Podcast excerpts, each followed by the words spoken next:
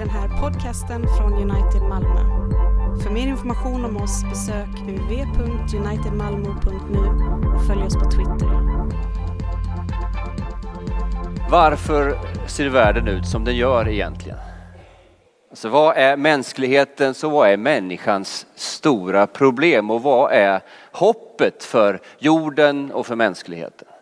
Jag tänkte börja med de lätta frågorna till att börja med. Så man klarar av dem så kan vi gå in på någonting annat sen. Eh, så jag har ju satt mig på rätt höga hästar här nu och ska försöka ta tag i dessa enkla filosofiska frågor. För genom alla tider så har man ju brottats med just detta. Hur står det till med mig, med samhället, med klimatet, med makterna? Och de här olika politiska och religiösa och filosofiska svaren har ju försökt tackla detta och kommit ut med lite olika svar, eh, tolkningsmöjligheter. Ett tag när jag växte upp så var egentligen det stora problemet det var boendeytan. Man trodde människan kommer må bra, bli lycklig bara de får lite fler kvadratmeter yta att bo på. Sen fanns det sociologiska förklaringar, sen kom det filosofiska förklaringar och idag är det väldigt mycket biologiska förklaringar. Man försöker hitta vad är det för kemiskt ämne som saknas i hjärnan så att pojkarna och flickorna inte sitter still i skolbänken. Alltså man har på olika sätt försökt attackera dagens problem utifrån olika tolkningsmodeller. Vad säger dagens text? Jag kommer använda den här kortaste texten, nämligen från Apostlagärningarna. Vad säger dagens text är det grundläggande problemet? Ni har redan glömt vad som stod i texten, eller hur? ja, stackars människor. Vad säger, han sa så här.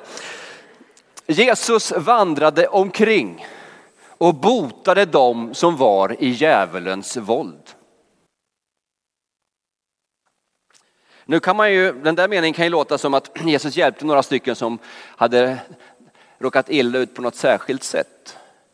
Men om man börjar skanna av Nya Testamentets texter så ser man att här framträder en, en väldigt klar och kanske för oss en lite skrämmande bild. Jag ska läsa fem bibelverser snabbt. Först Johannesbrevet säger så här. Vi vet att vi är från Gud och att hela världen ligger i den ondes våld. Om mitt evangelium är dolt är det dolt för dem som går förlorade, ty denna världens Gud har förblindat förståndet hos dem som inte tror så att de inte ser ljuset från evangeliet om härligheten hos Kristus, Guds avbild. Ni var döda genom era överträdelser och synder den gång ni levde i dem på denna tidens och världens vis och lät er ledas av försten över luftens rike, över den andemakt som nu är verksam i olydandens människor. Och så något annat uppmuntrande ord. Den som syndar är djävulens barn. Det djävulen har syndat från början. Men Guds son har uppenbarats för att utplåna djävulens verk. Alltså här har vi en ledtråd till att förstå varför världen ser ut som den gör och varför vi är som vi är. Bibeln säger inte att alla människor är intagna av djävulen, men att det finns makter och krafter i vår tillvaro som går bortom de politiska, sociologiska, ekonomiska förklaringsmodellerna. Är ni med? När man talar om djävulen nu och ondskans makt så innebär det inte att man frånkänner, eh, tar bort människans eget ansvar. Men det uppenbarar att hennes problem är mycket större än en inre svaghet eller en bristande moralisk kompass. Och det är viktigt att kunna ställa rätt diagnos så man kan ge rätt medicin, eller hur? Alltså det ondas makt och inflytande går bortom min personliga kamp. Det handlar inte bara om min personliga synd. Synden och makten och mörkret sitter också i de sociala, i de politiska, religiösa och ekonomiska strukturerna som så markant formar våra liv. Paulus talar om att den kamp är att utkämpa är inte bara en kamp inom oss utan det är en kamp mot andevärldens förstar, väldigheter och makter och herrar i himlarymderna. Tur att det är ljust när vi predikar om det här, eller hur? Och när vi sätter på oss sådana här glasögon som Bibeln ger till oss och när vi läser av världen hjälper oss att förstå, agera och även navigera i vår omvärld på rätt sätt. För om vi inte förstår det här så kommer vi gå miste och gå vilse. För det är någonting som hjälper oss när vi upptäcker den här världsbilden. För det första, vi inser att vi inte kan, när vi är utlämnade till oss själva, vinna seger mot sådana här makter och krafter. Det går inte. När vi tänker kanske vår egen personliga brottningskamp så kanske vi tänker, har jag bara tillräcklig disciplin, får jag bara en tillräckligt god vägledning så kanske jag kan hantera livet. Men när vi märker att det är större krafter och större makter som formar oss, då måste vi ha hjälp av någon som är starkare än oss själva och starkare än de onda makterna. Och vi inser att argumentation och diskussioner om den kristna tron, hur väl behövligt det kan vara, inte riktigt når ända fram ändå. Varför det? Nej, för vi läste i texterna att denna världens Gud har förblindat förståndet hos de som inte tror. Så att de inte ser härligheten. Så när vi sitter och försöker, ja men det, måste, det finns en logik bakom det här med Guds tron. Ja. Alltså, tänk dig själv, ingenting kan uppstå inget. Liksom. Har ni haft sådana diskussioner? Apologetik. Ja. Det är rimligt alltså, det finns många vittnen till Jesu uppståndelse och, och alltihopa. Och folk bara, okej. Okay. Man tycker, men jag har, ju, jag har ju vunnit diskussionen. Det gjorde jag jämt. Men de vart inte troende. Alltså det, är lika, lika bra som att liksom ge till en blind en karta och säga nu är det bara att orientera dig framåt här. Alltså vad behöver vi? Vi behöver någon som har kraft att öppna de blindas ögon. Och vi inser att frälsning är något mycket mer än bara förlåtelse för mina personliga synder. Jesus har kommit för att utplåna djävulens verk. Och det handlar om att Guds rike kommer och att hela mänskligheten, hela skapelsen ska upprättas och helas. Det är stort. Dagens evangelium det är att Jesus föds till jorden som Guds krigare och tar upp kampen mot ondskan på alla dess nivåer. Och att han vinner seger och befriar oss från synden, från lagen, från döden och från djävulens makt. Det var nästan värt, det, liksom, vad bra. Men man nu, nu, nu märker jag, jag har kommit igång i lite krigisk ande, jag som är pacifist och allt. Men, men, alltså, men när man nu talar om att Jesus kommer som Guds krigare, han uppropar ett stridsskri. Liksom. Så är det så på vilket sätt vinner han seger mot ondskan? För det är viktigt att vi förstår det, för det avslöjar hur Guds rike blir synligt i vår värld och vad som är vår kallelse som kyrka i den här världen. På vilket sätt vinner Jesus seger över dessa mörkrets onda makter? En hemlighet avslöjas i Markus 10 där det står så här, Jesus säger Människosonen har inte kommit för att bli tjänad utan för att tjäna och ge sitt liv till lösen för många. Alltså Jesus ger inte bara sitt liv på korset. Hela hans liv från dag ett präglas av denna självutgivande, uppoffrande kärlek. Det är så Jesus vinner seger över mörkret. Vi tänker ju att makt och seger endast kan uppnås genom våld och övertalning och genom kraft och makt. Är inte så? Så är det ju överallt. På innebandyplan till Trump. Eller hur? Och många tar till fula knep på innebandyplan också. Nej, jag, jag, bara, jag bara råkade titta på dig, det var inte...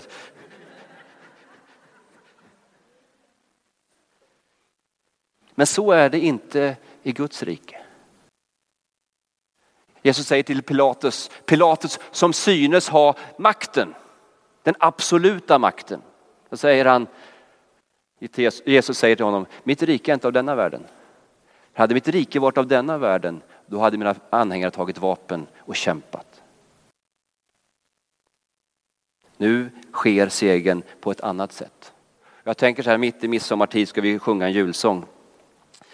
Bered en väg för Herren. För den fjärde versen beskriver på vilket sätt Jesus vinner seger över ondskan. Ej kommer han med härar och ej med ståt och prakt. Dock ondskan han förfärar i all dess stolta makt. Med andens svärd han strider och segrar när han lider. Välsignad var han som kom i Herrens namn. Märker ni hur vi spontant reagerar negativt mot detta? Eller hur? Alltså för, för vi vill ju ge igen. Vi vill ju hämnas. Har någon snackat skit om mig i skolan, då ska jag ge igen. Har de postat någonting på Snapchat och någon ful bild på mig som jag sa, du får inte lägga ut den, då, då lägger jag ut den, bilden som jag har sparat sedan länge. Är ni med?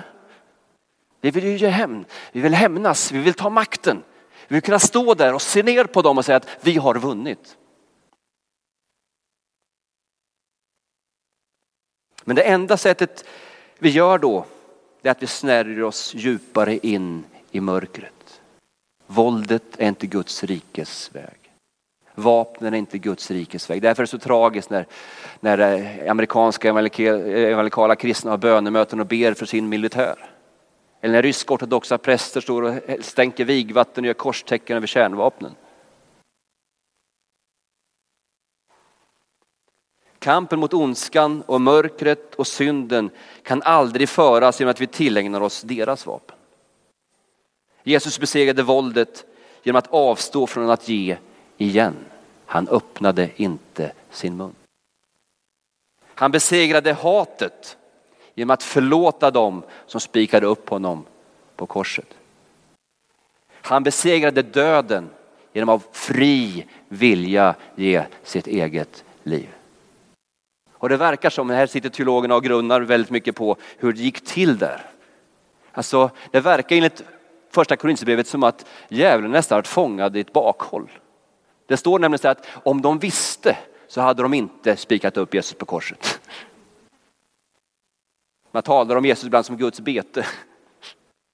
Vad de inte visste var, för de kände att de hade ju makt över mänskligheten. Mänskligheten var syndare, de får man straffa. De får man hålla fångna, de får man terrorisera. Så de reagerar ju som de alltid gör, med våld, med hat, med död mot syndaren. Och nu reagerar de på Jesus med hat, med våld och död, men han är oskyldig. Och därmed imploderar hela djävulens rike.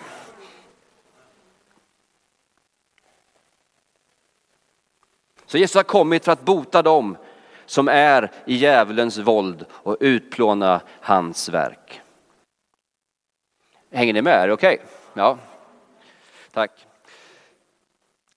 Och det är intressant, hur tog sig detta till uttryck i hela Jesu liv? Som vi sa, han kom för att utplåna djävulens verk. Ett av namnen på djävulen är ju diabolos. Alltså den som splittrar, den som kastar isär. Jesu agenda är raka motsatsen, den som förenar och den som helar. Det är Kristi försoningsverk. Och det blir väldigt tydligt i Efesierbrevet 2. Det står så här. Jesus är vår fred. Han har med sitt liv på jorden gjort de två lägren till ett och rivit skiljemuren, fiendskapen. Han har upphävt lagen med dess bud och stadgar för att i sin person skapa en enda människa av de två en ny människa och så stifta fred. I en enda kropp försonade han de båda med Gud genom korset då han i sin person dödade fiendskapen. Och han har kommit med budskap om fred för er som var långt borta och fred för dem som var nära. Han talar alltså om hedningar och judar här. Ty genom honom kan både vi och ni nalkas Fadern i en enda ande. Alltså är ni inte längre gäster och främlingar utan äger samma medborgarskap som de heliga och har ert hem hos Gud. Guds försoningsverk är större än att bara förlåta dig dina privata synder. Det handlar om att upprätta en ny mänsklighet. Att hela en söndrad värld, en försonad mänsklighet. Så under sitt jordeliv så kom Jesus med Guds rike och upprättade just denna försoning och etablerade detta helande. Han förde samman dem som var utanför in i gemenskapens mitt. Tullindrivarna, de prostituerade, äktenskapsbryterskan, de äter nu Jesus med och bjuder in dem i sitt rike. De som av lagen var utestängda, de får nu fritt tillträde till nådens bord. Den samariska kvinnan, den romerska soldaten som var utestängd på grund av sin ras inbjuder nu Jesus i sitt rike. De spetälska som inte bara finns då utan som på olika sätt det finns spetälska i samhället som ingen vill röra vid. De beblandar sig Jesus med och rör vid dem och helar dem och upprättar dem in i gemenskapen. De fattiga som sågs leva i sin fattigdom på grund av bristande välsignelse från Gud får att uppleva Guds rikedomar och få sitta till bords på hedersplatsen. Den etiopiska hovenucken som på grund av sitt kön inte fick fira gudstjänst, han blir nu upptagen i Guds familj. Kvinnorna som på Jesu tid stod så lågt i kurs, man ansåg på den tiden att, att en kvinna som föddes, hon hade inte blivit färdigbakad i magen. När man var färdigbakad då föddes man som man, men om man var halvbakad, liksom gästen hade inte riktigt tagit fart, då blev man en kvinna. Därför hade de inga rättigheter, de, de, de stod lågt nere. Vad gör Jesus? Han låter Maria sitta vid sina fötter. Som en erkänd, godkänd lärjunge. Och vilka är det Jesus visar sig först för vid uppståndelsen? Det är kvinnorna. Han upprättar dem och för dem in mitt i gemenskapen. Jesus utplånar djävulens verk. Och kyrkan kallas idag till att i andens kraft stå fast i den seger som Jesus har gett till oss. Det är inte vår seger, det är hans seger. Men vi får också tillräkna oss denna seger och denna position. Och vi kallas till att gestalta detta nya gränsöverskridande liv. Att mitt i en värld som betonar vikten av murar för att skydda sig från varandra. Där våld uppmuntras för att skapa, skapa hat mellan olika folk och religioner. Där strukturella missförhållanden diskriminerar och håller folk i utanförskap. Där människan endast bedöms efter sina prestationer och vad hon kan leverera. Där kallar kyrkan till att gestalta ett annat rike. Är ni med? Är det möjligt? Vet ni vad som är fiendens vanligaste angrepp? Förutom fördömelse förstås, att vi är helt värdelösa. Det är, det är ingen idé. Det kommer inte förändras. Tänk om William Wilberforce, den kristna politikern i England, hade lyssnat på de rösterna. Då hade slaveriet varit kvar. Är ni med? Kristus har vunnit seger. Det finns inget mäktigare namn än hans. Inget kan stå honom emot, eller hur? Inget kan stå honom emot. Och vi är indragna i den segern. Som Paulus säger, ingenting kan skilja oss från Kristi kärlek. Varken krafter i höjden eller krafter i djupet. Varken nöd, ångest, förföljelse, fara eller svärd. Nej, i allt detta, här står det, triumferar vi i Jesus Kristus. Låt oss stå upp och sjunga den här sången igen. Inget större namn finns än Jesu namn.